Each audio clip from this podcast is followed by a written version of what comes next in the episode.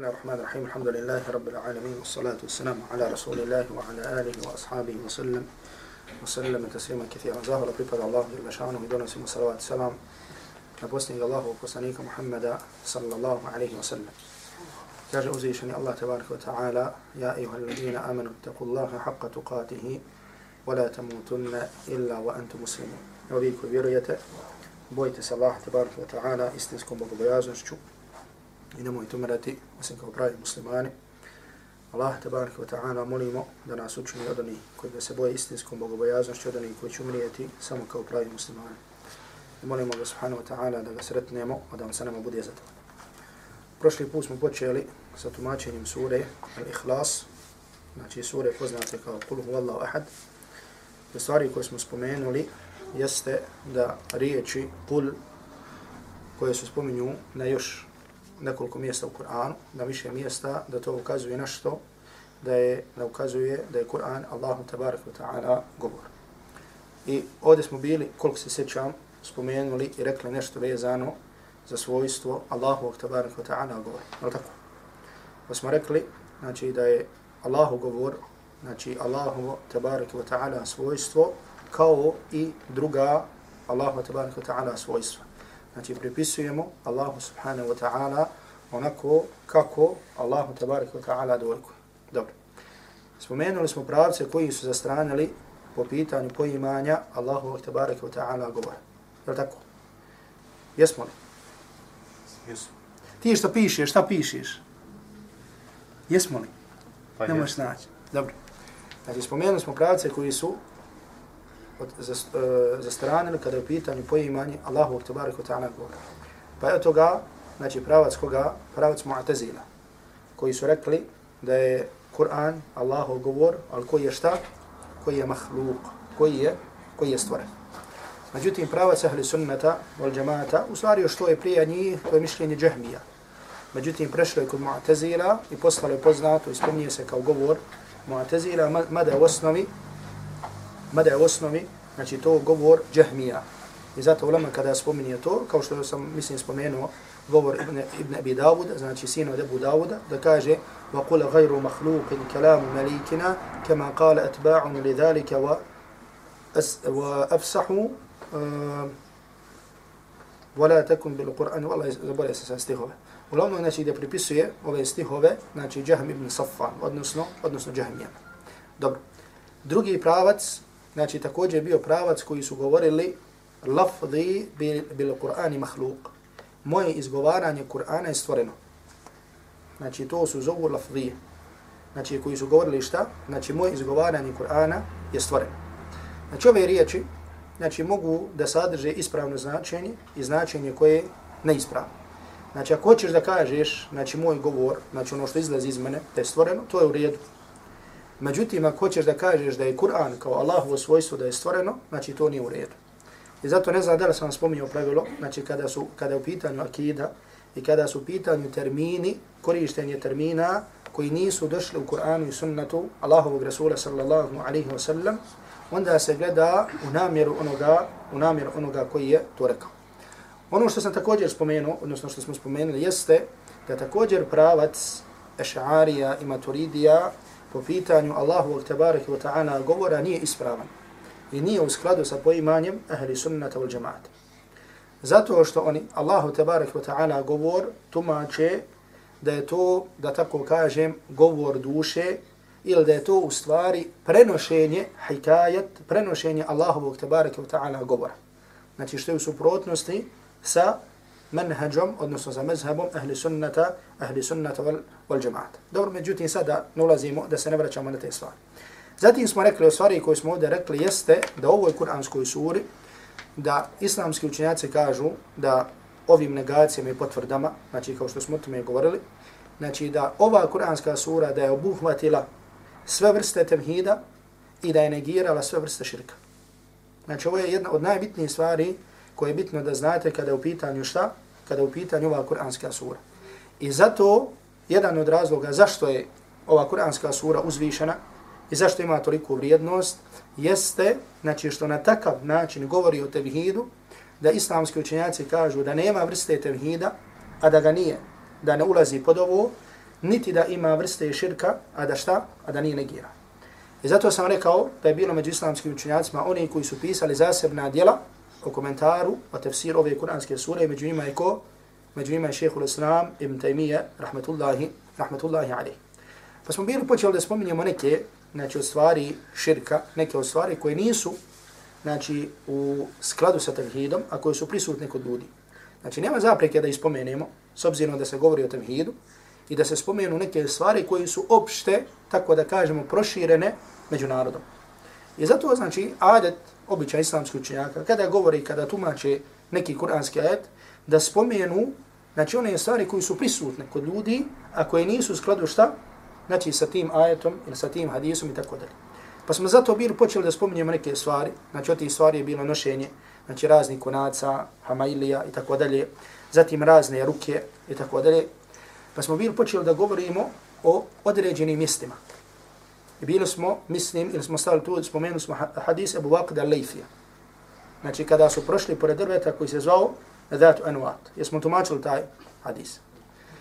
Dobro, od stvari, uglavnom da kažem, sa tim ću počet, znači od stvari koje su suprotnosti sa tevhidom, jeste smatranje da postoje mjesta, da postoje drveća, da postoje kamenja, da postoje pećine, da postoje izvore, koji su sveti i koji su odabrani. I koji ljudima daju beričet. Znači, to je vjerovanje kojim u suprotnosti sa Kur'anom i sa sunnetom Allahovog Rasula sallallahu alaihi wa sallam. I to je također prisutno kod nas. I zato sada, upravo sada dolazi, znači počinju te ajvatovice, dole ublagaju nekakve pećine i tako dalje. Znači, to su stvari da kažemo, znači vidjet ćete koliko su identične nekim pojavama koje su došle u sunnetu Allahovog Rasula sallallahu alaihi wa sallam. Pa tako, znači ono što je bitno, znači što želim ovdje da spomenem, jeste da veliki broj ovih mjesta koji se veličaju kod nas, znači ala Ajvatovica, ala Buna, ala ta djevojačka pećina, znači da su to bila mjesta koja su bila veličana i pri, prije dolaska Islama na ove prostore. Znači da su i bogumili ili oni koji su bili prija, da su ta mjesta veličali i smatrali sveti. I onda su došli neki i rekli su, hajde to što su oni činili, da zamijenimo, da tako kažemo tevhidom, mada je to kasnije, znači to stvar, upali su stvari širka, da zamijenimo to znači sa islamom, da zamijenimo sa zikrom i tako dalje. Da veličam, međutim, na drugi i drugačiji način. Znači, veličanje takvih mjesta, znači nije dozvoljeno, kada bi bilo pa makar veličanjem sa nečim što je čisto ibadet što je čisto sunnet Allahovog Resula sallallahu alaihi wa sallam. Jer u sunnetu Allahovog Resula sallallahu alaihi wa sallam je došla zabrana veličanje mjesta koji su veličali u džahilijetu. I zato je zabiljež Abu Dawud u svom sunenu od ashaba koji se zove Thabit ibn Dahak da kaže anna rajula nadara a yanhara ibilan bi. Da je došao čovjek, Allahum poslanik sallallahu alaihi wasallam i rekao da se je zavjetovao da će zaklati devu u mjestu koje se zove Buwane. Fasa'ala nabija sallallahu alaihi wasallam Pa je o tome pitao Allahu poslanika sallallahu alaihi wa sallam. Pa mi Allahu poslanik sallallahu alaihi wa sallam šta rekao? Kaže, hel kana fiha wathanun men awthani l-đahilijeti ju'bad? Kaže, da li je na to mjestu bio kip ili ono što se obožava iz vremena džahilijeta? Pa mu je čovjek rekao, la, nije bio. Pa mi je poslanik sallallahu alaihi wa sallam rekao, hel kana fiha aidun min a'jadihim, da li je tu bio praznik, to jeste mjesto gdje se ljudi okupljaju iz vremena džahilijeta, pa ovaj čovjek rekao la. Pa mi onda poslanik sallallahu alaihi wa sallam rekao, fa aufi bi nadrik. Kaže, onda ispuni svoj zavjet. Što znači da se nisu ispunila ova dva uslova, poslanik sallallahu alaihi wa sallam mu ne bi dozvolio šta? da ispuni zavjet na tom određenom, na tom određenom mjestu. Jer on ne samo da se zavjetovo, nego zavjetovo da će određenu stvar učiniti gdje? Znači određeno mjesto. Pa mi je poslanik sallallahu alaihi wa sallam to zabranio, jer je to nešto što spada u preventivu, saddu dharija. Znači u preventivu onoga što vodi u šta? Ono što vodi, što vodi u širk. Međutim, ako dodamo tome da se ta mjesta mimo veličanja, znači da se smatra, znači da je tu ibadet bolji, ili da tu mjesta, znači ti izvori, ti pećine, ta kamenja, da donose beričat, znači stvari još veća. I zato je zabilježio e, imam Termizi u svom sunanu od Ebu Vakda al-Laythija, gdje ovaj ashab kaže, kaže, izašli smo sa Allahom i poslanikom sallallahu alaihi wa sallam na Hunayn. Znači, to je bio događaj poslije osvojenja Mekke. Kaže, wa nahnu hudatha'u ahdi bil kufr. A mi smo, kaže, tek bili izašli iz nevjerstva. Znači, hoće da pojasni ono što se desilo. Znači, bili su tek ušli u islam i tu, znači, tu stvar nisu poznavali. Kaže, wa kana lil mušrikina sidaratun ja'kufuna andaha wa yunutuna biha aslihatahum. Kaže, mušrici su imali jedno drvo, kaže, kod kojeg su činili ibadet. Znači, činili itikaf. Znači, tu boravili sa namjerom činjenja ibadeta. I kaže, tu su vješali svoja oružja. Znači, zašto su vješali tu svoje oružja? Da im pređe beričet. Znači, da im oružja budu bolja u boju. Pa kaže, فَمَرَرْنَا بِسِدْرَ Kaže, pa smo prošli pored tog drveta. Pa smo rekli Allahom poslaniku, sallallahu alaihi wa sallam, ja Rasul Allah, iđa'al lana, yuqalu laha dhatu anvat. Kaže da se to zvalo dhatu anvat. Pa smo kaže rekli Allahom poslaniku, sallallahu alaihi wa sallam, ja Rasul Allah, o Allahu poslaniće, iđa'al lana dhatu anvat, kema lahum dhatu anvat. Allahu poslaniće, daj da imi imamo dhatu anvat, kao što oni imaju dhatu anvat. Pa je poslanik, sallallahu alaihi wa sallam, rekao, Allahu akbar. Innaha sunan. Kaže Allahu akbar, kaže ovo su običaj. To jeste upali ste u ono što su upadali i prijašnji narodi. Pa kaže poslanik sallallahu alejhi ve sellem: "Wallazi nafsi bi yadihi qultum kama qala banu Israil Musa." Kaže kad tako mi onoga u čujoj ruci moja duša, vi ste rekli isto kao što je benu Israil rekao Musa.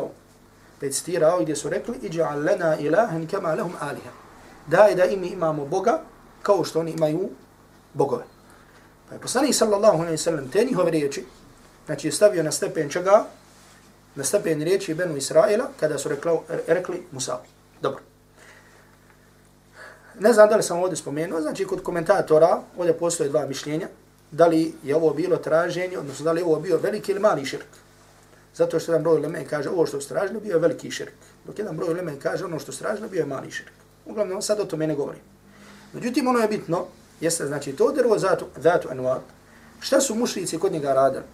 Pa je poslanik sallallahu alaihi wa sallam to sudio. Znači, znači, tu su činili tri stvari. Znači, to dobro zapamte. Prvo, znači, smatran su to mjesto odabranim i veličali su ga. Znači, to je prva stvar. Druga stvar jeste da su tu učinili ibadete, mislili su da su ibadeti tu šta? Bolji. I treća stvar, da su mislili da im od tog mjesta dolazi, dolazi šta? Da im dolazi beričet. Radi ove tri stvari koji su bili kod njih, Znači to je, da kažemo između ostalo, znači bili su mušrici. Znači zato, znači o svakoj ovoj stvari posebno možemo govoriti. Znači prvo, znači nema svetog mjesta ili odabranog mjesta, osim što je Allah tabaraka wa ta'ala i što je njegov poslanik sallallahu alaihi wa sallam učinio mubarakom ili sveti. Ja to jasno. Znači inače je govor da je nešto sveto ili odabrano, to je lažna Allah tabaraka ta'ala i na Allahovog poslanika. Allah je učinio odabrani Meku, Medinu, Kuds, znači mjesec, dan, ono što je došlo u Kur'anu i sunnetu. Mimo toga je šta? Lažna Allaha tabarika ta'ala i njegovog poslanika, sallallahu alaihi wa sallam. Također da smatraš da činiš ibadet na nekom mjestu, da je to odabranije, ako nema dokaza za to, to je šta? Znači to je također lažna Allah i njegovog poslanika. Pogotovo kada su pitani ibadeti oko kaburova. Brate pažnje. Pogotovo kada su pitanju ibadeti oko kaburova. Znači, zato što je tu došla tolika prijetnja i toliki hadisi, znači, to su bili od zadnjih riječi koje Allah poslanih sallallahu alaihi wa sallam rekao. I zato pogledajte ovdje korist. Allah poslanih alaihi salatu wa sallam je počeo sa čim? Znači, počeo sa, sa tevhidom. I završio svoj poziv sa čim? Sa tevhidom. Jer kao što kaže ashab, čuo sam Allahog poslanika alaihi salatu wasalam, prije nego što umro bi hamsim. Prije nego što umro pet dana. Pet dana prije nego što umro Allahu poslanika, alaihi salatu wasalam, Allahu poslanika, alaihi salatu wasalam, je govorio, znači la'natullahi ala al-jehudi wan-nasara ittehadu qubur anbiya mesađa. Neki Allahov prokletstvo na kršćane i židove, jer su mjesta svojih poslanika uzeli za mjesta na kaburove svojih poslanika su uzeli za mjesta obavljanja obavljanja molitve. I zato sad ovdje da vam skratim, znači spominjanje kaburova u sunnetu poslanika sallallahu alaihi wa sallam je došlo na nekoliko načina. Znači prvo, ono što je došlo, jeste da su kaburovi uzrok postojanja širka. Da su kaburovi uzrok postojanja širka. I zato predaje koja je došla u sahihu imama Bukharija od Ibn Abbas radijallahu ta'la anhu, da Ibn Abbas radijallahu ta'la anhu kada je govorio, uh, da, kada je govorio riječima Allaha tabarik wa ta'ala, wa qalu la tadharunna alihatakum, wa la tadharunna waddan, wa la suwa'an, wa la wa ya'uqa, wa nesara, kaže ovo su imena dobrih ljudi iz vremena Nuha alaihi salam, koji kada su umrli, došao je šeitan i objavio ljudima šta? Napravite nešto na njihovim mjestima, što će vas podsjećati na njihov ibadet. Pa su to učinili. Međutim, kada je umrla ta generacija, znači kada je nestalo i ono što je bilo od znanja, ubidat Ljudi su počeli da obožavaju. Znači, uzrok nastanka širka na zemlji, na dunjaluku je šta? Znači, preko, preko kaburova dobri ljudi. Znači, jedna stvar, preko kaburova šta? Dobri ljudi. Druga stvar, je druga vrsta hadisa, da je došlo u sunnetu Allahovog Rasula sallallahu alaihi wa sallam prokletstvo na onoga ko čini ibadet pored kabura. Znači čini ibadet iskreno Allahu pored kabura. A zamislite kako je, ako pućuje nešto od ibadeta ono me koji kabur. Znači samo učinjenje ibadeta pored kabura, znači zato je došlo, znači ili prokletstvo, ili da poslanik sallallahu alaihi wa sallam kaže da su oni širarul halq, inda Allah, da su najgora stvorenja kod uzvišenog Allaha tabaraka ta'ala.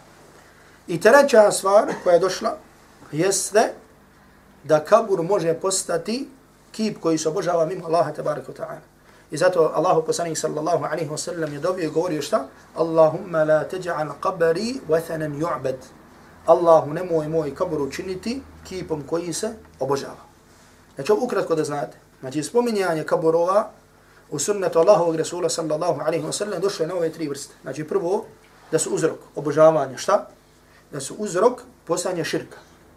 Drugo, da su šta? Da onaj ko obožava Allaha iskreno pored kabura, da na njega Allahovo prokledstvo. I treće, da kabur, pa makar poslanika, da može postati kib koji se šta? Koji se obožava. I zato vidite opasnost ove stvari. Da sad ne kažem, da opet napravim jednu digresiju, znači, oni, znači, kaburovi, turbeta danas, znači, ko je tu zakopan, Allah najbolje zna.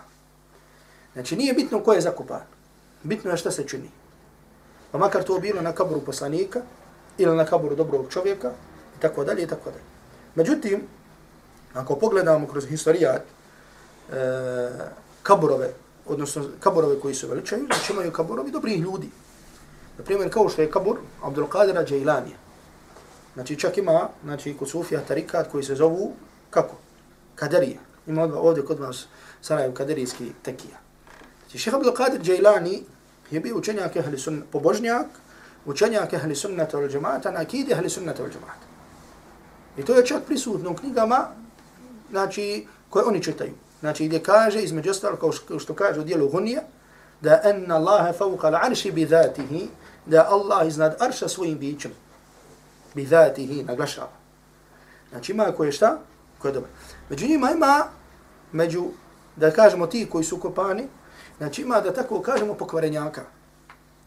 Znači, jer naćete, znači nemojte se čuti, na primjer, da naiđete na, u, e, da, u biografijama sufijskih šehova, znači ima da ima da se od njihovim fadiletima, znači spominju stvari koji su odvratnost.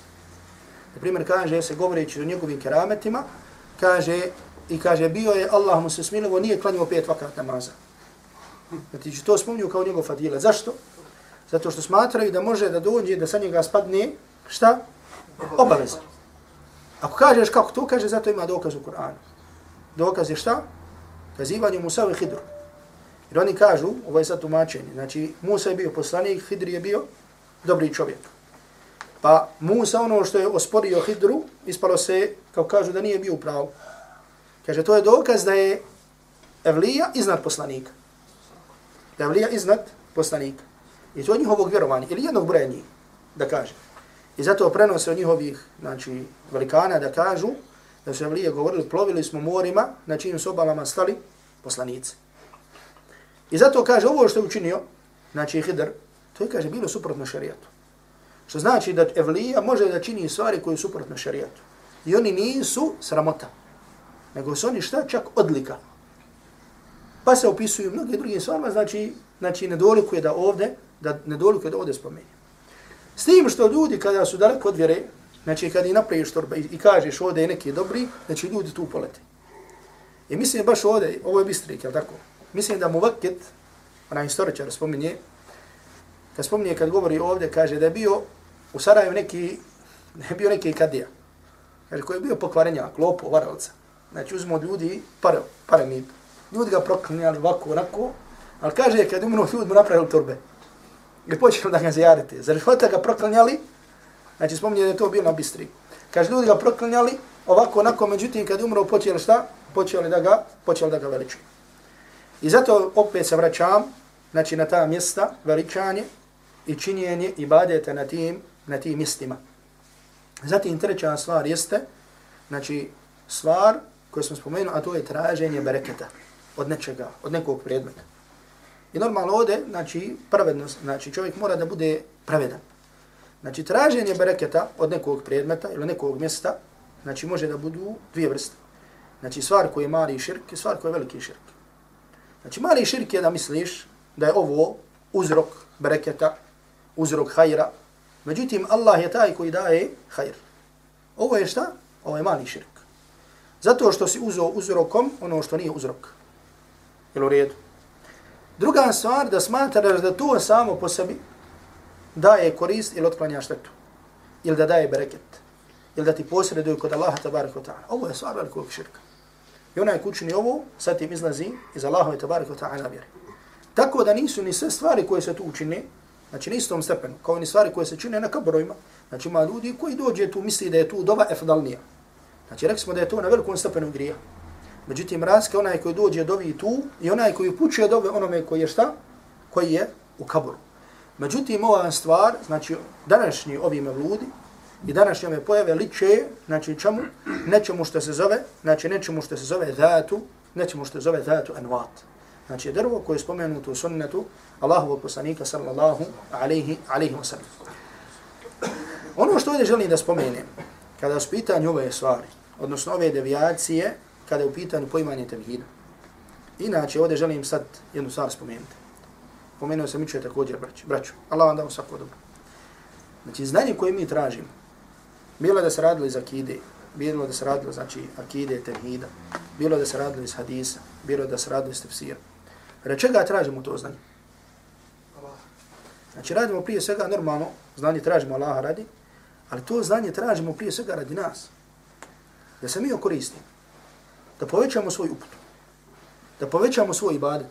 Da nas to približi Allahu tabaraka ta'ala. Je li tako ili nije? Znači, to je prva stvar. Znači, da povećaš svoje znanje, da povećaš svoje znanje o Allahu, da povećaš tvoj strah o Allahu. Znači, ovdje, brate, pažite, znači, ne, znanje se ne uči da bi se raspravljalo. Nego se uči da čega da bi povećalo tvoj, da povećalo tvoj ibadet. I zato ako se vratimo na, biografi, na, na biografije Salafa, Šta ćete naći u biografiji? Kada govori se, na primjer, kad se u njihovim biografijama, kada se spominje njihov ibadet. Znači, vidite koliko je bio njihov njihov ibadet.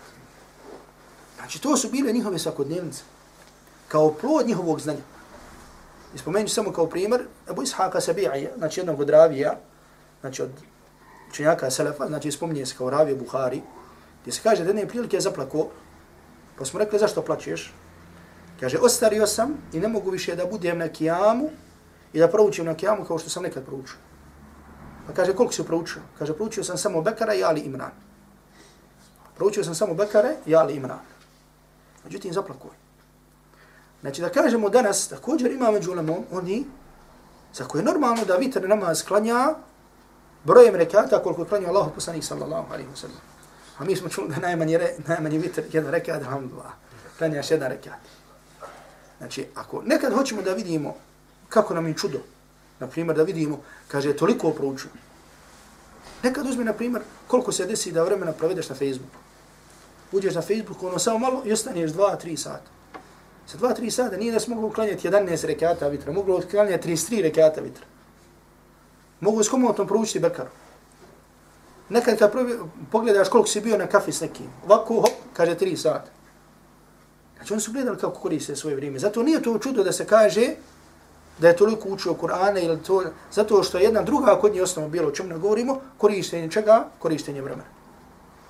I zato čovjek, znači akida, temhid, Znači, cilj izučavanja akide i temhida jeste vraćanje, znači, prije svega da poveća tvoj strah prema uzvišenom Allahu tabaraka ta'ala. To je prva stvar.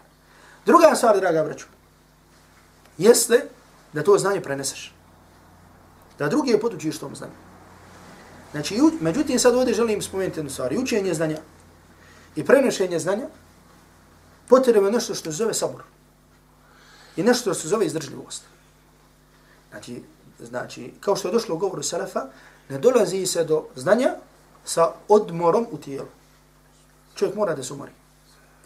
A ovdje sad vam neću govoriti o vrijednosti znanja, spomenut ću vam samo jednu izreku. Znači, zapamtite. Znači, izreku imama Ahmeda, da kaže el ilmu, la ya'diluhu shay'un liman sahat niyyatuhu. Kaže, ništa nije ravno znanju, ukoliko je nijet ispravan. Nijedan ibadet nije ravan traženju znanja, ukoliko je čovjeku nijet, šta? Nijet ispravan. Međutim, na polju traženja znanja i na polju pozivanja čovjek mora da se umori. I zato ne znam da li sam ovdje spomnio primjer Hišam ibn Ammar. Nisam spomnio. Znači, također od Ravija, u sahihu imama Buharije, znači Hišam ibn Ammar je bio iz Šama, iz Damaska. I otac mu je prodao kuću, pa ste prodao kuću, da pošalje svoje dijete, da ide u Medinu da uči. Da uči kod imama Malika. Hišam ibn Ammar je došao u Medinu da uči kod imama Malika. I od adeta između ostalog je bilo da se čita pred imamom Malikom. Znači da čitaju hadisa, da ima Malik, ispravlja. Pa je pogriješio. Pogriješio u čitanju. Pa ima Malik rekao, udarite ga, deset bičeva. Ono, šipkom, deset puta. Bio mlađi i da se nauči. Znači, znači da učiš odmah da bude malo, da nauči na poteškoću. Znači ne da se i učiš se i rodi i rodiš se umreš razmažen. I kad ga udarili, Hišam ibn Ammar zaplakao. Kaže, ma Malik što je zaplakao? Kaže, vala, kaže, nisam zaplakao, kaže, što, što smo udarili, što me boli. Kaže, krivo mi što sam pogriješio. Otac mi kaže, prodao sve, kaže, a ja, kaže, grišim. Pa kaže, ima Malik, halali. Pa kaže, neći ti halaliti. Kaže, osim da me za svaki udarac, da me za svaki udarac prenese šta? Jedan hadis. I da opet me, opet ako treba da mu udariš, ali da mi za svaki udarac da mi prenese šta? Jedan hadis. Također breću primjer Baqi ibn Mahleda, kada je došao u Bagdad iz Andalusa, da uči kod imam Ahmeda u vremenu fitne. Kad imam Ahmed nije, mogao da izlazi, nije smio da izlazi iz kuće. Pa smo rekli imam Ahmed la yuhaddith, ne prenosi hadis. Uglavnom da vam skratim priču. Ulazio kod imam Ahmeda u obliku, u izgledu prosica, znači onaj koji prosi pare, koji traži pare. I ušao bi, pokucao bi, i na vremenu dok bi stajio na vratima, gdje bi kofalan ima Mahmud nešto dao, on bi izvadio i zabilježio po jedan, dva ili tri hadisa od imama, od imama Ahmeda. Znači tako je stico, tako je sticao znanje. Kako, draga braću, na polju traženja znanja. I zato nemojte, znači, ne, reknete, razumiješ neko, dok ne smo došli, ugasi taj telefon, nemoj jedna i ovaj bio na dersu, šta mi je rekao, razumiješ, a, ko da je, ko da je dunja. Znači, mora, znači, jesam došao ja na neći ders, jesam. Hoće li njega nešto naučiti? Znači, od njega ću nešto naučiti. Znači, ovi, kako se kaže, koji, koji prenose, znači, ima ra, različiti, neko je maš lafin, ahlakli, razumiješ, neko je ovako malo, koja ja sam živo smeta. Znači, morate imati malo sobra na te stvari. Jel u redu? Da nije sebe stakfula da poredim, nego govorim, znači, ovdje sad svojstvo onoga koji traži, znači, onaj koji traži znanje mora se naučiti da, da trpi. Jel jasno? Isto tako, draga braću, kad prenosim. Znači, dođe, danas nešto naučimo, iz dobre namjere hoćemo da nekome prenesemo i taj neko te odbije. Ma kaže, deba, hajde ostaje. Mi odmah kod, a, čita dunja, ću, će će meni rekom, gdje će mi reći, ma hajde, nemoj meni to pričat, nemoj mi vaziti. Draga braćo, ko pogleda siru Allahovog Rasula sallallahu alaihi wa sallam, one koje Allahu poslanih sallallahu alaihi wa sallam pozivu, nisu se bili, ste, nisu bili ista, ista vrsta. Neko je bio, ko bi odmah prihvatio. Je tako? Kao što ne znam, primjer slučaj sa Abu Bakr, radi Allah ta'ala. Neko je bio kome bi trebalo vremena. Znači ne odmah, treba mu godina. Neko je bio koji je prihvatio pa ostavio. Neko je bio koji se je borio protiv poslanika, alaihi salatu Neko je bio ko nije tijelo da prihvati, međutim bio je dobronamjeran prema poslaniku, alaihi salatu wasalam. Ko što je bio slučaj Abu Taliba. Je tako? Međutim, u svemu tome poslanik alaihi salatu wasalam, je bio šta? Je bio uporan. I u poslanikovom sallallahu alaihi wasallam pozivanju. Ovdje želim dvije stvari da naglasim. Draga braću, u poslanikovom sallallahu alaihi wasallam pozivanju, znači, nisu u, znači, poslanik alaihi salatu wasalam je nailazio na toliko poteškoća prilikom svog pozivanja, što ćete vidjeti zvije predaje koje ću vam spomenuti. Znači, događaj na Uhudu. Znači, kao što je došlo u sahihu, da u događaju na Uhudu, da Allahom poslaniku alaihi salatu wasalam šta? Šudja rasuhu wa kusarat ruba'ijatuhu. Da je ranjen u glavu i da mu je šta? Slomljen zub. Pa kad se je to desilo Allahom poslaniku alaihi, alaihi salatu wasalam, šta Allahum poslaniku sallallahu wasalam rekao? Kejfe yuflihu qavmun šeđu nebijom. Kako će uspjeti narod koji je ranio svog poslanika? Znači pogledajte te, da kažemo, teškoće Allahovog poslanika alaihi salatu wasalam. Pa Allah tabarak wa ta'ala objavio šta? Lejsa leke min al amri še'un. Au jatuba alaihim, au ju'adzibahum. Kaže, tebi ništa ne pripada. Ili od tebe ništa ne zavisi. Hoće li im Allah uprostiti ili će Allah kazniti. Znači, to jeste ti pozivaj. Hoće li oni uspjet? Neće li oni uspjet? To je na Allahu. A na tebi je šta? Da pozivaš. U hadisu ibn Umara se kaže da bi, da, je, da bi čuo poslanika alihi salatu wasalam kada se digne sa drugog rekata, sa rukova drugog rekata na sabahu, da bi, do, da bi dovio Allahumma l'an fulanen wa fulana. Allahu prokuni čovjeka i čovjeka. Spominjući im imena. Oni koji su to vrijeme bili šta? Protivnici, najveći protivnici poslanika alihi salatu wasalam. Pa Allah tabarak wa ta'ala objavio ovaj ajet. Jedan broj uleme kaže da dva događaja mogu biti sebe objave jednog ajeta. Pa Allah tabarak wa ta'ala objavio, ne zavisi od tebe, hoće li im Allah oprostiti ili će Allah kazniti. Pa svi oni koji je spominio poslanik sallallahu alaihi sallam u dobi i dobio protiv njih, su posle toga prihvatili islam. I kaže se, وَحَسُنَ islamuhum. I bili su primjer u svom islamu. Znači, pogledajte koliko je potrebno da kažemo sabora u prenošenju. Primjer, ših Muhammed ibn Abdul Wahab, rahmatullahi alaih, dijela koja su poznata, kao što je Kitabu Tamhid, Kešfu Šubuhat. Kada je ših napisao? Napisao kada je nastala država, znači iz biografije šija, znači vrijeme prije nastanka i posle nastanka države, je Muhammed ibn Saud. Je napisao nakon što je nastala država ili prije nastanka države? Prije nastanka. Znači Kitabu Tavhid, i Kešfu Šubuhat i Usulu. Znači sve su ta djela nastala prije. I veliki broj poslanica šija. I poslije toga, poslanice šeha onome koji smo se suprostavili u davat. I zato, draga braćo, znači, pored jasnog pozivanja i jasnog govora, čovjek uvijek u svom srcu treba da ima milost prema Allahom stvorenjima. Ovo ono najviše što želim ovdje da, da kažem. Treba da ima milost prema Allahom stvorenjima. I zato se kaže u opisu ahli sunnata wal džamata da su arhamul halqi bil halqi. Da su najmilostivija stvorenja prema stvorenjima. I to je primjer poslanih sallallahu alaihi wa sallam. Zašto ovo ovdje spominjamo? Zato što ponekad, znači isto donošenje suda, znači bilo da se radilo o donošenju suda, da je neko u novotariji, ili da je neko kufru, ili da je neko u širku, to dolazi, draga braću, tek na kraju. I donošenje suda je od najopasnijih stvari. I zato ne mogu se čuti kada čujete da neko od velike uleme da kaže, na primjer, da zastane u odgovoru na određenom konkretnom pitanju. I zato, na primjer, čuo sam video snimku, na audio snimku, ših Abdul Muhsin Abbad. Ših Abdul Muhsin Abbad je najpoznati muhaddisa danas. Znači, najpoznati muhaddis Medine. Znači, koji sjedi svaki dan, 70 možda godina unazad, između Akšama Jaci i čitaju se pred njim kutubu Sitte i drugi. Kaže, kaže, tri, o tri stvari, kaže, ne želim da govorimo, da odgovaram pitanje. Znači, jedno je propis vezano za hajzi nifaz, jedno je propisi takfira. Znači, neće da o tome bude upitan. Znači, čitao sam ja lično, kad sam čitao pri šehe Barraku, znači šehom Abdurrahmanu Barraku, kitabu Tebihid, i došlo jedno pitanje vezano za tekfir, i upitao sam ga, vezano za to, šehe odgovorio samo, kaže, to je teško pitanje.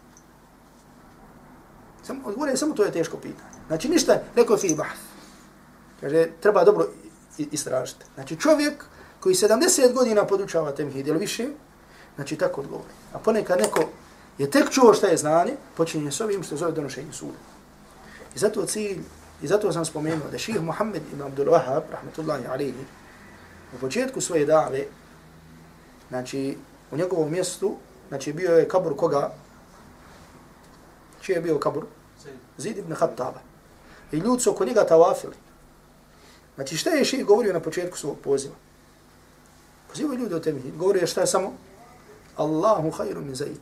Allah je bolji od zaida. Znači ništa više od toga. Zato što u tom momentu to bilo. Danas da dođe neko ko tek počinje tražiti za njih, možda bi rekao ti ne znaš šta mi hita. Znači jedno je, znači ovo govorim ovdje o pozivanju i donošenju suda. I zato se vraćam. Znači ponekad, ponekad, čovjek kad vidi, znači ljude koji su upali, da kažemo neku vrstu griješenja. Subhanallah, neko isto ko da jedva dočeka, ko da mu je drago, da je taj neko upao nek, u neki vid griješenja. Da kaže, vidiš, on ne zna, ja znam. Bilo da se radi o stvarima griješenja, bilo da se radi o stvarima eh, ehli sunnata, odstupanja i tako dalje. Ne. U kakve god stvari upali. Ne čovjek i dalje mora da ostane arhamul halq bil halq. Od najmilostivijih stvorenja prema, prema stvorenju. I zato sve to opozivanje dolazi do čega? Da ljudi budu, da ljudi budu na uputi. Spomenut ćemo samo hadis, jedan, je sunnet Allahovog poslanika, alaihi salatu wasalam. Ovaj hadis zabilje imam muslim, u svom sahihu, Jabir radijallahu ta'ala. I znate, draga vreću, koliko je došlo hadisa o prijetnji samobijstvu. I da onaj ko izvrši samobijstvo, da šta? Znači, da će biti sa tim kažnjavan sve do sudnjih dana. Je tako? Je tako došlo? Znači, u hadisu, između stava. Zatim da ljudi, znači koji za kojima se povodi kao što je ulama, kao što je, ne treba da ne klanjaju dženazu, samo ubici, međutim klanjaju mu obični muslimani, da tako kaže. Hadis zabilio žema muslim u svom sahihu, Jabir radijallahu ta'ala anhu, da je bio ashab koji se zvao Tufail ibn Amr, koji učinio hijđuru u Medinu, zajedno sa jednim čovjekom, znači sa ashabom. I uglavnom da skratim, kad su došli u Medinu, taj čovjek koji je bio sa Tufail ibn Amrom se razbolio. Fa jaza. Kaže, razbolio se i kaže, pao je u očaj. I uzo je i raskrvario ili otkinuo svoje prste. I iskrvario je i umro je. Znači umro je kao šta? Kao samoubica. Znači umro je kao samoubica. Pa ga je Tufail ibn Amr vidio usnu. Međutim, vidio ga je fi hejetin hasane. U lijepom obliku. U lijepom obliku. Međutim, vidio je da su mu ruke pokrivene. Ruke su bile pokrivene. Znači, taj dio gdje je odsijeko, to mu bilo pokriveno. Pa kaže, pa ga je upitao Tufejr ibn Amr. Kaže, wa mada sana Allahu bike? Kaže, šta je Allah sa tobom učinio?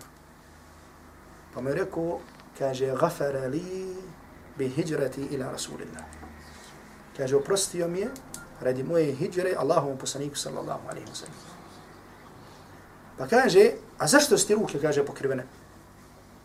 Kaže, rečeno mi je, lan nusliha ma afsatta. Kaže, rečeno mi je zato što, kaže, mi nećemo popraviti ono što si ti pokvario. Pa je došao Tufail ibn Amr, Dausi, Allahom poslaniku sallallahu alaihi wa sallam, da mu to ispriča. Pa ispričao to poslanik sallallahu alaihi sallam. Pa Allahom poslanik sallallahu alaihi wa sallam na to rekao, Allahumma wal jadejhi faqfir. Allahu i njegovim rukama oprosti. Allahu i njegovim rukama oprosti. Znači, vraćamo se na to, znači, pogledajte milost koju čovjek treba da ima i prema onome, znači, koji upadne, ljudi koji upadne u razne vrste odstupanja od Allahove, koji upadnu u razne vrste odstupanja od Allahove tabaraka wa ta'ala, od Allahove tabaraka wa ta'ala vjeri.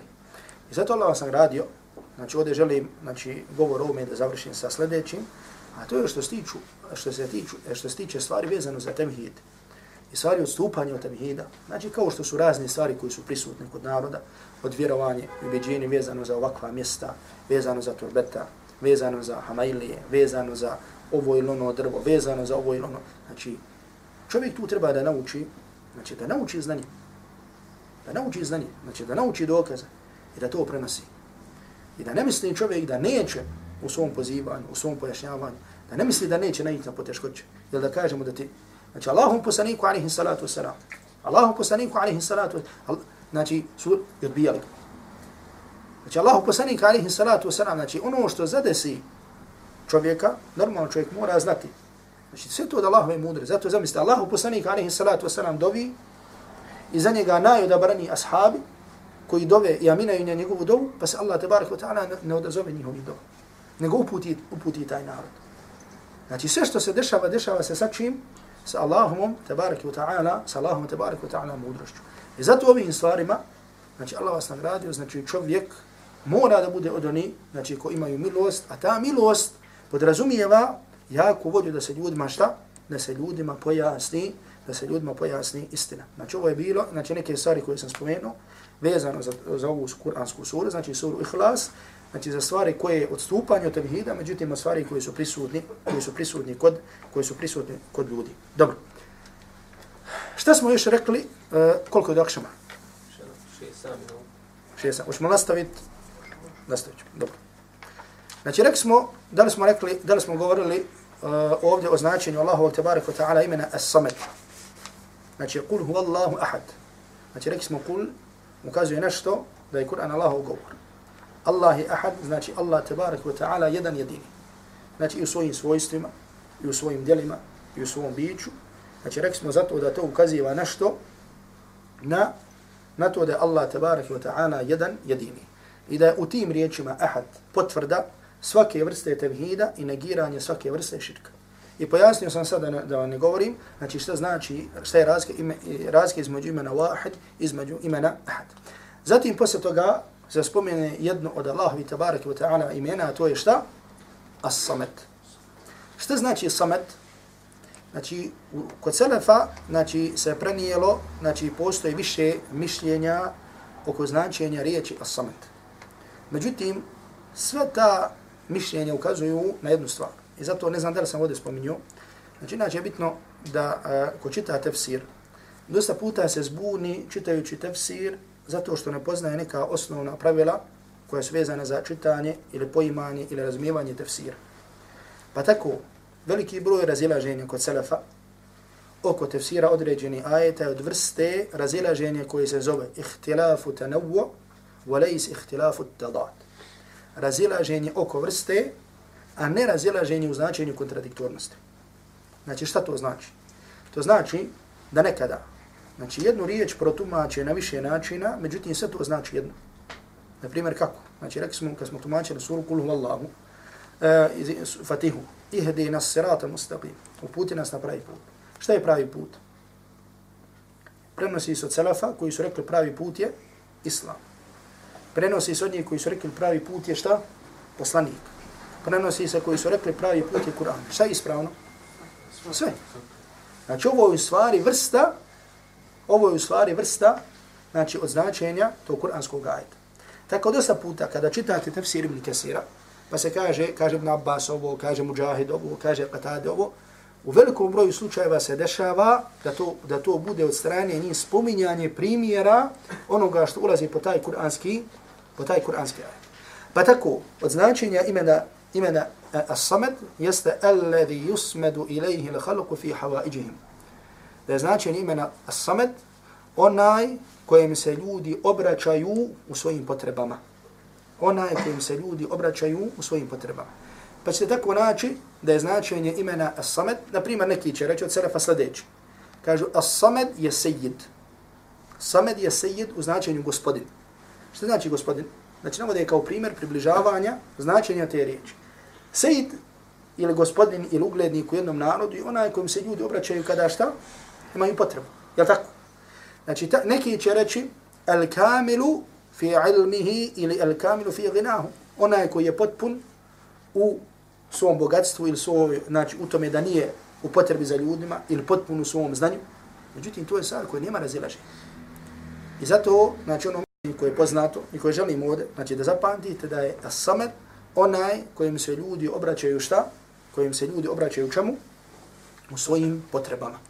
I zato čovjek ovdje treba znači iz ovoga da nauči, znači pogledajte, pored kratkoće ove kuranske sure koje znam, znači Allah je Samad, onaj kojim se ljudi obraćaju potrebama. To znači šta? Znači Allahu tabaraki wa ta'ala se obraća našim potrebama. Ovo je nešto što znam, Međutim, koliko je to prisutno u našim životima? Znači, ljudi dosta, dosta imaju potreba, svi imamo potrebe u svakodnevnom životu. Međutim, koliko za te potrebe tražimo rješenje kod stvorenja, a koliko za te potrebe tražimo rješenje kod, gospode, kod gospodara stvorenja. I zato, draga braće, kao što spomenu Ibn Ređab, kada govori o selefu i traženju i dobi i traženju prosta, kaže da je selef čak tražio u svojim dobama al milh. Da su čak so za hranu tražili u svojim dobama. Ako mi je bilo potrebna so, zamoli Allah tabaraka ta'ala, upućuje dovu, da sutra nađe so da mu dadne. I onda normalno uzme uzrok u obzir. Međutim, mi danas potrebe koji su mnogo, mnogo veće, zaboravimo i na Allah i na sve. Nego ose, mislimo da mi to možemo. Ili mi svojom snagom, ili pre neko, nekoga, ili pre koga. Međutim, doba, gdje je doba odsutna. I zato Allahu poslanik alaihi salatu wasalam, kako nam se podučio, od stvari koje nas se podučio dobi, jeste, kada neko od vas zove, neka ne kaže Allahumma gfirli in ši'ta, Allahumma rahamni in ši'ta. Neka ne kaže Allahu oprosti mi ako hoćeš, Allahu smiluj mi se ako hoćeš. Pa tako? Kaže, wal ja'zim il mas'ala. Nego kaže, neka bude uporan u svojoj dobi. Fa inna Allahe la mukriha lahu. Kaže, jer niko Allaha ne može primoriti na nešto. Znači, dobu upućuješ, znači, budeš uporan u dobi. Ilhah. Jer čovjek što više ima upornosti u dobi, znači, to je bliže da mu se šta? Da mu se, bliže da mu se odazove. I zato čovjek za, svaki, za svaku svoju stvar, čovjek vala i dođe, dođe čovjek, razumije, žali se na svoje dijete. Znači, čovjek musliman uvjer. I zato nema, znači, ima li čovjeka da ne bi volio na njegovo dijete sutra bude ponos u umetu, da bude alim, da bude nešto. Znači, čak i džahili žele da, da, da, da mu dijete bude nešto, i nevjernici. Međutim, mi, na primjer, kažemo joj, dijete mi oko namaza, joj, dijete mi, dobro. Koliko dobiješ za svoje dijete u, svoj, u svojim namazima? Dobiješ za njega pola sata, Dobiješ za njega sat vremena. Znači, ne možeš da budeš uporan, da na seđi budeš sat vremena za svoje dijete, a možda sa nekim može biti na kafi sat vremena i tako dalje. I zato ono što nas učuje, ovaj kuranski ajet, Allah dao svako dobro. Pogledajte, znači, ovdje s onim što sam mislim počeo na početku, ova predavanja da kažem, da Ibn Abbas rekao da su rabbanijun koji, الذين يعلمون الناس صغار المسائل قبل كبارها koji ljudi podučavaju mali meselama prije velikim mesela. Koliko je mali mesela, osnovni stvari, u stvarima koje znamo, prisutno, međutim, ili ne znamo njihovo značenje, ili znamo, znamo značenje toga, međutim, toga se šta? Toga se ne pridržavamo. Jeli? I zato pogledaj, a samet onaj kojim se ljudi obraćaju potrebu. Znači, svaku potrebu, znači, koju imaš, Allahu te bareke ve ta'ala se u tome za tu stvar obratiš. Je to jasno? Dobro. Zatim kaže uzvišeni Allah te bareke ve ta'ala, lam yalid wa lam yulad wa lam yakul lahu kufuwan ahad. Šta znači lam yalid? A? nije rodio. Znači Allah te bareke ve ta'ala nije rodio. Znači šta znači nije rodio? Znači nema dijete. Je tako? Walam yulad i nije rođen. Znači nema šta? Roditelja. Znači iz druge strane možemo reći nema početak, nema kraj. Jel tako? To je od savršenstva uzvišenog Allaha tabarak wa ta'ala. I ovo negiranje, ovo negiranje da nije rodio i da nije rođen, dolazi radi čega? Li kemal, li ginahu. Radi ukazivanja i potvrde savršenstva Allah mi tabarak wa ta'ala stvorenja. Znači, kao što kaže ulama, kada je spomnim, spomnimo tahabi na početku akide, znači, nema početka, nema kraja. Znači, to je savršenstva uzvišenog Allaha tabarak wa ta'ala. Zatim Allah tabarak wa ta'ala dalje kaže وَلَمْ يَكُلْ لَهُ كُفُوًا أَحَدٍ I nikomu šta? Nikomu sličan nije. Rama nije niti u njegovom stvaranju, niti u njegovim, niti u njegovim svojstvima. Znači, niko nije poput uzvišenog Allaha tabaraka wa ta'ala. Jel u redu? Dobro. U ovoj kuranskoj suri, znači ono što možemo vidjeti, što sad želimo ovdje da dobro zapamtite. Znači u ovoj kuranskoj suri imamo, kada je govor o Allahu tabaraka wa ta'ala, imamo govor na dva načina, ili dvije vrste. Je li tako? Ha? Znači to je šta? Potvrda i negacija. Znači, gdje je ovdje potvrda? U riječima Allaha tabaraka wa ta'ala da Allah ahad. To je potvrda. Je li tako? Zatim u riječima as-samet. Da Allah tabaraka wa ta'ala samet. Dobro. Negacija je u čemu? Da nije rodio, da nije rođen, da mu niko rava nije. Dobro. Znači, spomenuli smo, potvr, spomenuli smo pravilo da je osnova da se Allah tabaraka wa ta'ala opisuje sa čim? Sa potvrdom.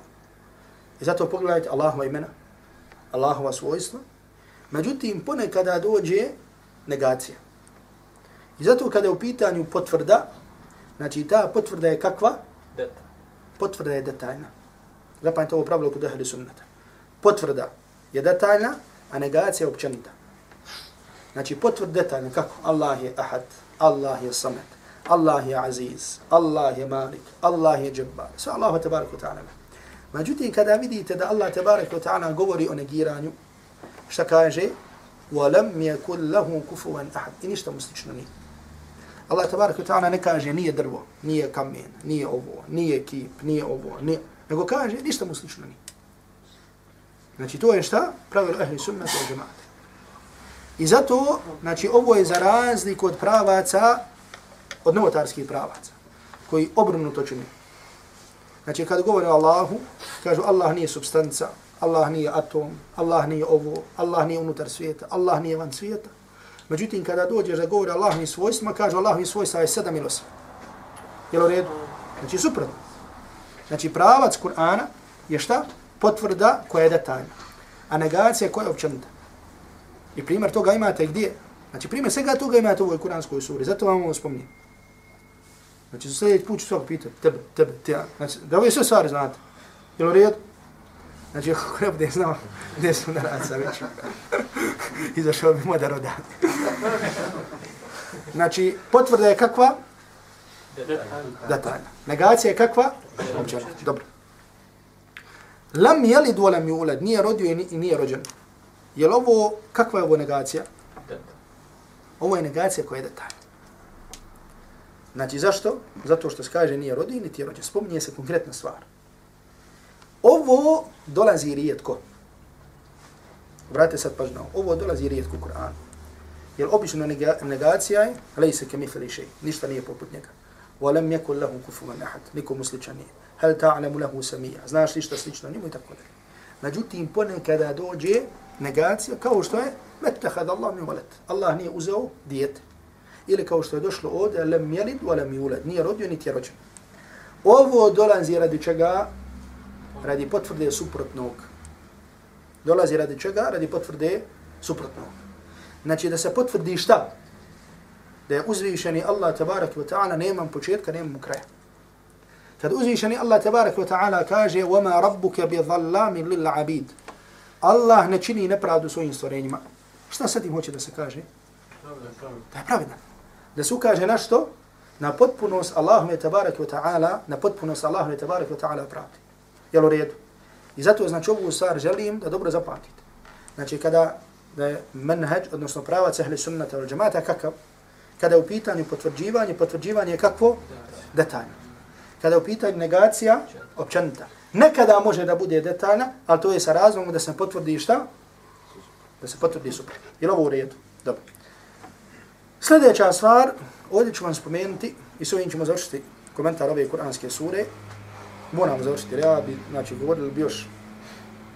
Spomenut ću vam nekoliko važnih pravila, važnih pravila kod ehli sunnata al džamata, znači, koja su vezana za poimanje Allahu i tabarak wa ta'ala imena i svojstava. Znači, pravila. Znači, kroz koji, kroz koja, kroz koja pravila su odgovor pravcima koji su stupili od pravca ehli sunnata al džamata. Jel u redu? Ćemo klanjati takšan pa nastaviti ili ćemo još ovo malo da završim pa onda klanjati tako Dobro. Od tih pravila, znači prvo pravilo koje možete zabilješiti, jeste da se uzvišeni Allah tabaraka wa ta'ala opisuje. Onako kako ga je opisao Allah tabaraka wa ta'ala i kako ga je opisao Allah tabaraka wa ta'ala u Kur'anu i kako ga je opisao poslanih sallallahu alaihi wa sallam gdje? U svom sunnetu. Znači to je prvo pravilo. Bez, vratite sad pažnje, bez tahrifa i bez ta'atila i bez takifa i bez tamfila. Znači šta znači tahrif? Bez tahrifa, bez iskrivljavanja. Znači bez iskrivljavanja značenja. Znači to prvo stvar. Šta je iskrivljavanje značenja? Znači tu spada, na primjer, da umjesto da je Allah tabarak wa ta'ala istava ala l'arš, da kažeš da je istavla. Umjesto da kažeš da se Allah uzvisio iznad arša, da kažeš šta? Da je Allah za gospodario arša. Druga stvar, bez ta'atila, bez negiranja. Znači da negiraš svojstvo općenito. Pa kažeš, kao što zušli na primjer džahmije, i rekli, znači ovo nema nikakvo značenje. Znači ovo nema nikakvo značenje. Ili u savremenom, znači među savremenim, da kažem, pravicima, ima jedan pravac koji se zove tefwid. I znači ovo je opasan pravac, znači koji je daleko do hli sunnata od džemata. A to je pravac oni koji hoće da kažu, koji glasi, znači mi ne znamo šta je namjera s ovim svojstvima.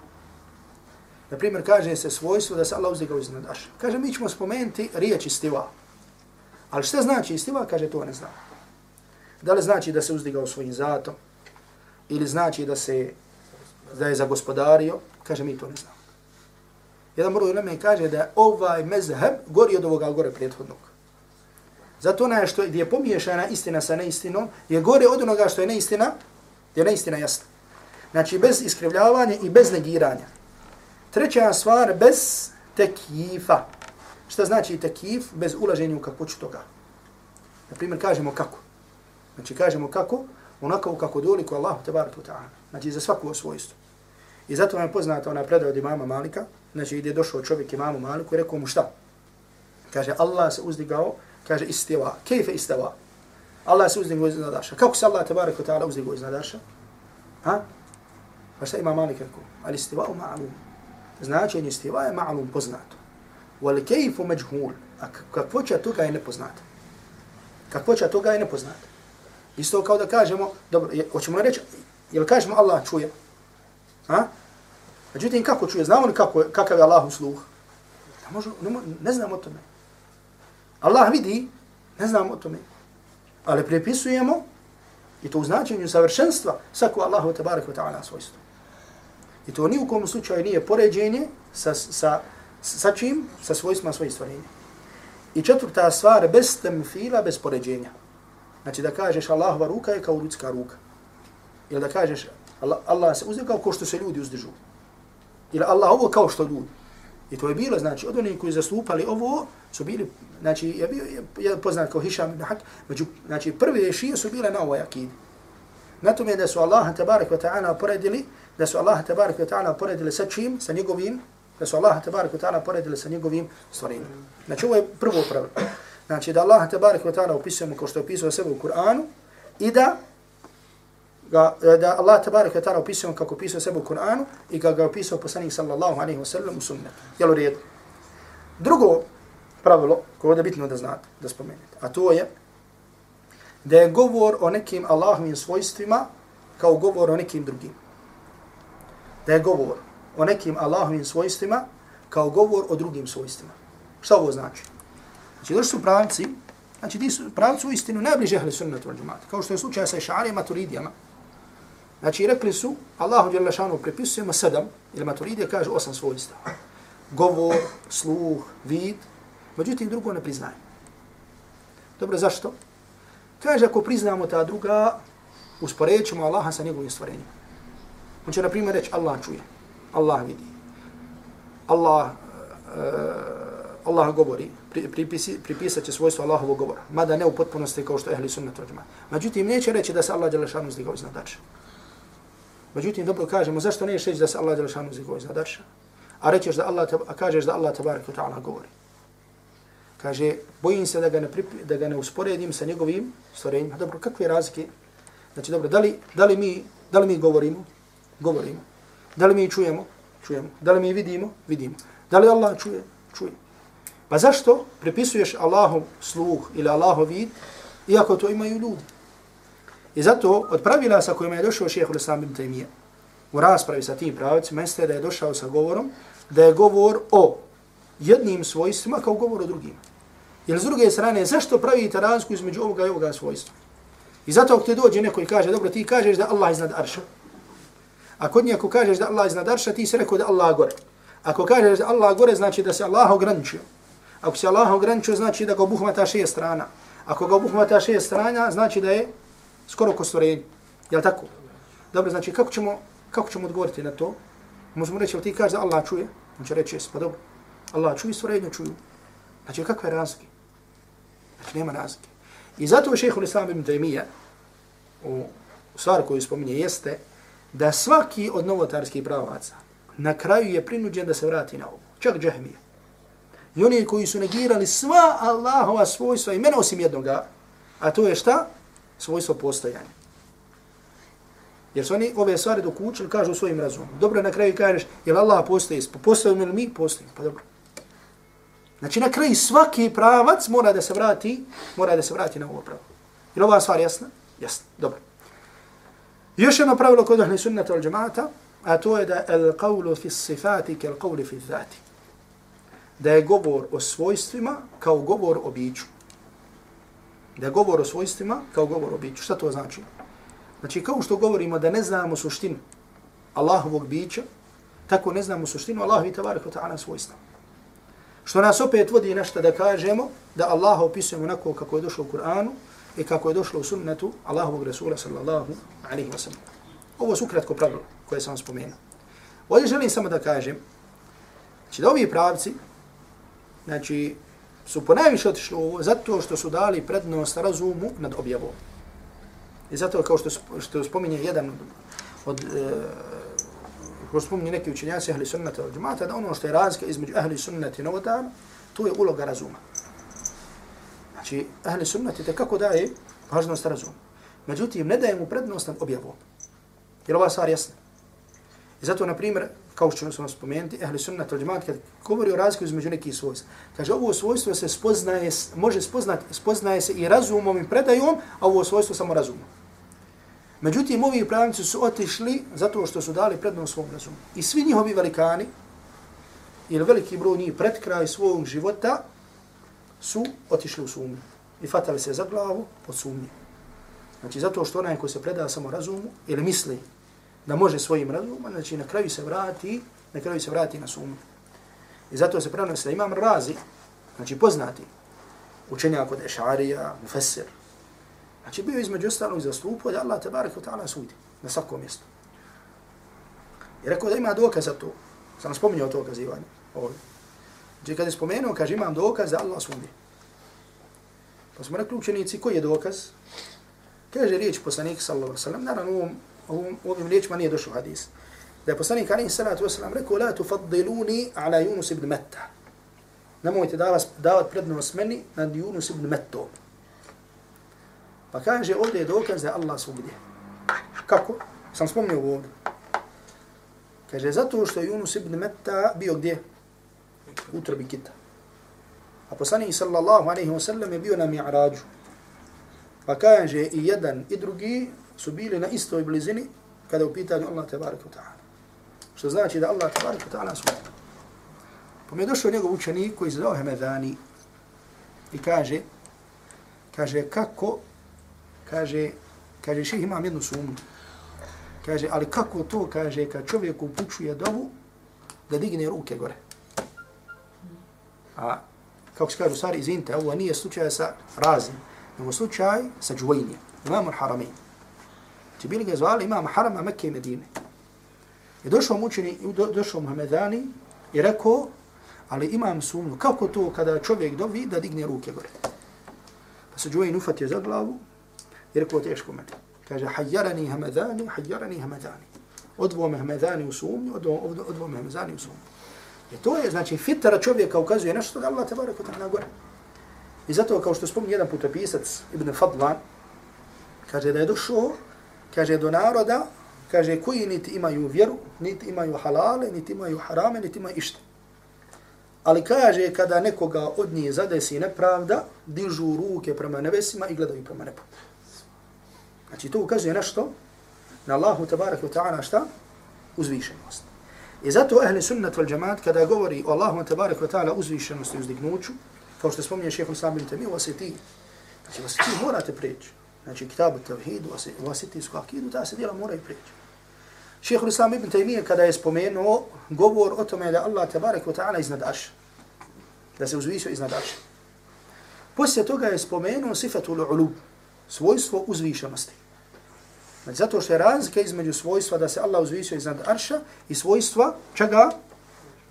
Svojstvo uzvišenosti. Znači, šta je razlika?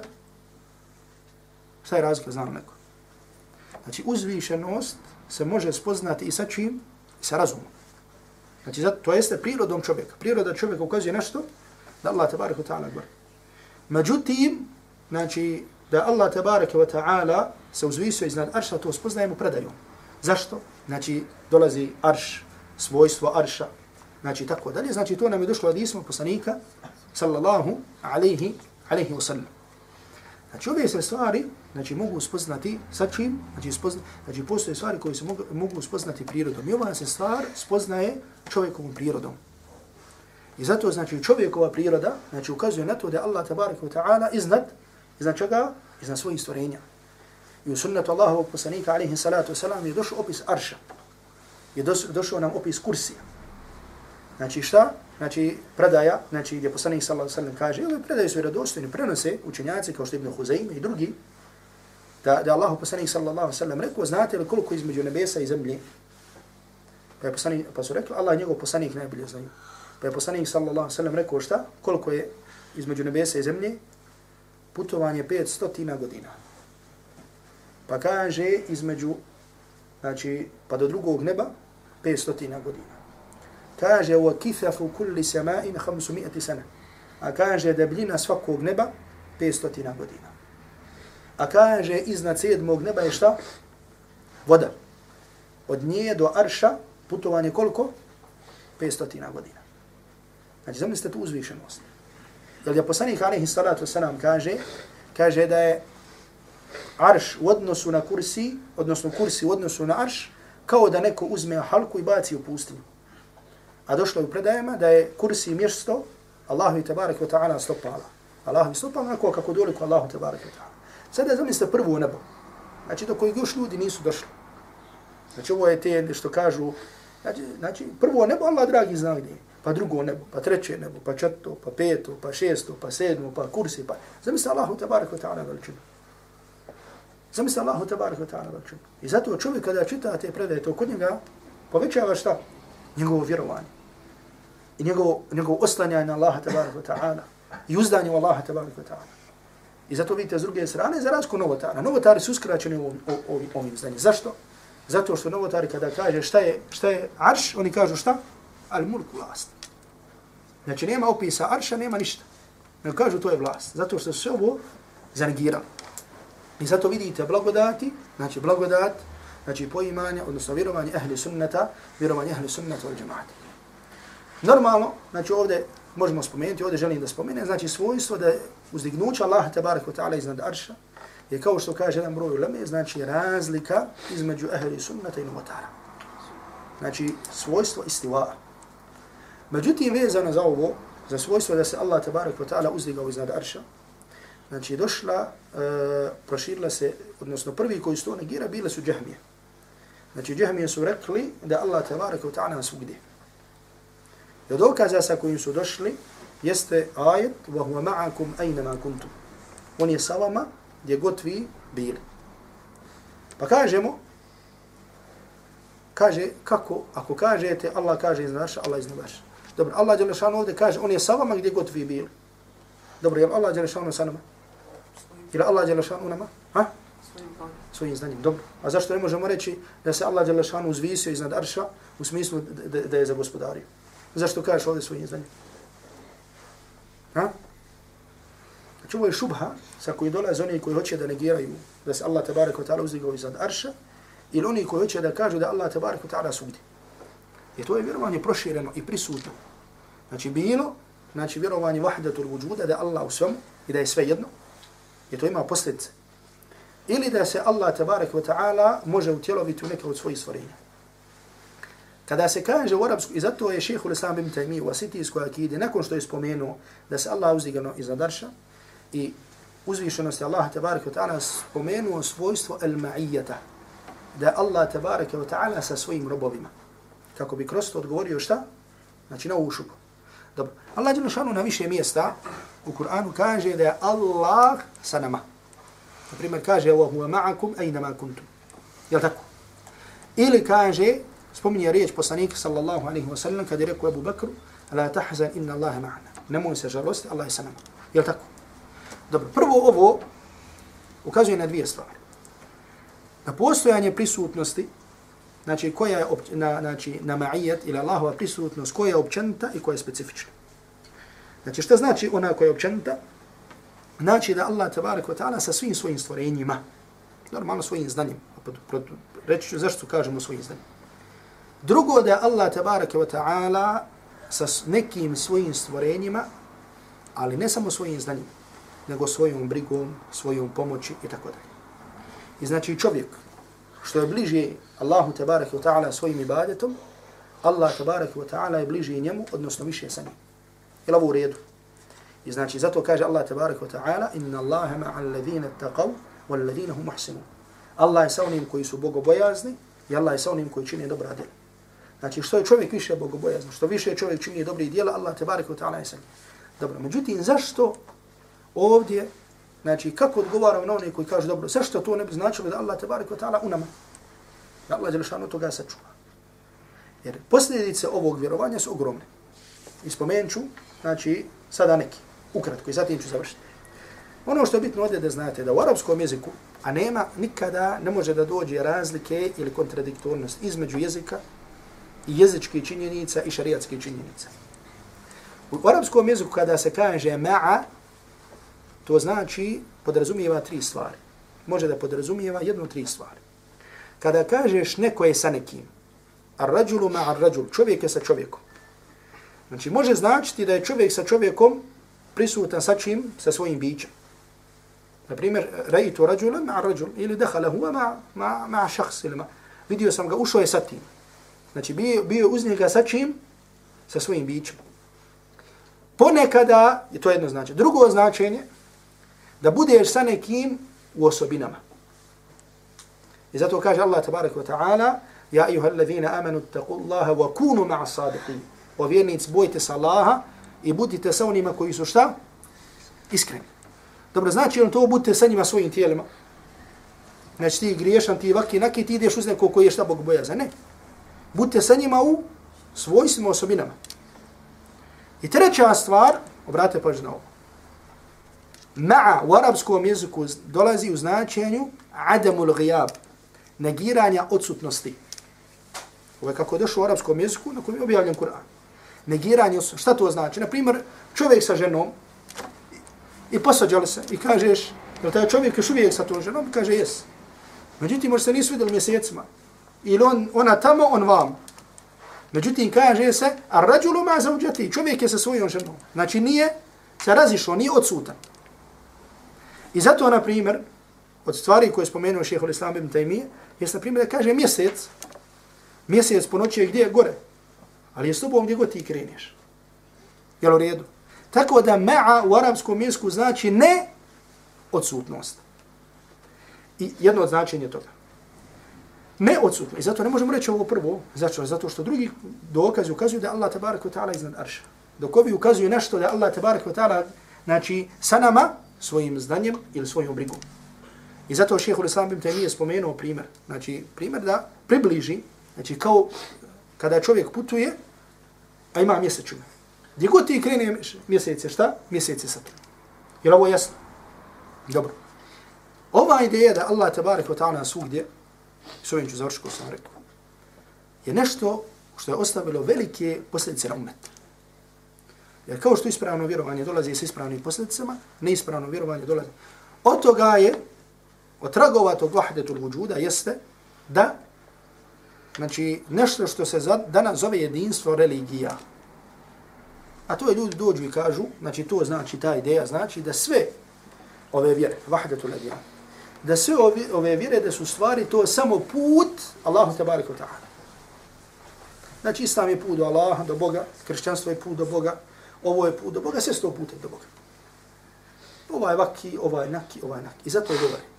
Znači, pazite, jedno, jedan, jedno je govor o tome da kažem o e, međuvjerskom dijalogu. To se ne može, to, to se ne može isti koš staviti. Pa da, znači, ne govorim sada propis toga. Međutim, ovdje je ideja jedinstvo religija. Šta je jedinstvo religija? Jedinstvo religija da su sve to putevi koji vode ka Bogu.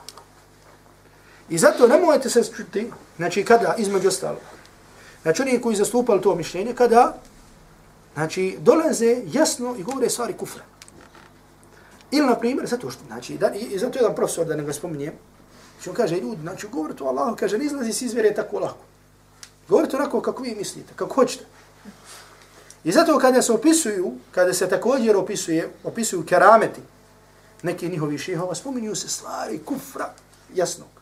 I to sam pisao, ne znam ko je od vas čito, znači ovo dolu blagaju kod nas, znači ima ovo je tek između ostalog turbe ovoga Sari Saltuka, znači jedan zvao Sari Saltuk. U njegovoj biografiji spominju da je znao i Kur'an i Evanđelje. I spominju da je, kaže, držao u crkvama propovjedi vodeći monaha. Znači, ne spominju u kontekstu čega kritike, ili da kažu prenešeno, pa rečeno, pa nispra, ne, nego u smislu kerameta. Znači, došao bi i kao da hoće da kažu da je tako ljude prevodio na islam. Došao bi, znači, toliko poznavao kršćanstvo, obuko bi se nedeljom, kako se kaže, odjeću monaha i tako bi držao, tako bi držao, tako bi držao. I normalno kada ljudi šute, znači kada ljudi šute, znači kod ulema šute, nije čudo da se takve stvari prošire među običnim svijetom. I zato od oni koji su o njemu govorili bio je Ebu Saud, znači poznati šehol islam iz Osmanske, znači koji je naredio da se ubio onaj Hamza Orlović, što je bio vođa onih Hamzavija, znači kad su ga pitali za ovoga Sari Saltuka, jeli kao bio Evlija, kaže bio murtad, bio monah. Znači nije bio musliman osnov, znači bio murtad. I znači to su, znači od tragova nečega što je zove vahdetu vujud. Znači da su, na, znači post da Allah tabarak ta'ala u samu, a billah, da je u psu, da je u svin, da Allah tabarak ta'ala toga se čuva. Znači da ne znaš koga obožavaš. Ko je ko se obožava, ko je koga obožavaš. Ko je, ko je abid, ko je ma'bud. I zato, znači, nakon svega ovoga, čovjek vidi fadilet, vidi vrijednost, vidi odliku ispravnog vjerovanja, a to je vjerovanje Kur'ana i sunnata Allahu Rasula sallallahu alaihi wa sallam. I s ovim bi završili, znači, naše tumačenje sura Al-Ikhlas, molim Allah tabarak wa ta'ala da nas smiluje i da nam oprosti. Wa sallallahu ala Muhammedin wa alihi wa sahbihi wa sallam wa sallam wa taslimu kathira. Ooh.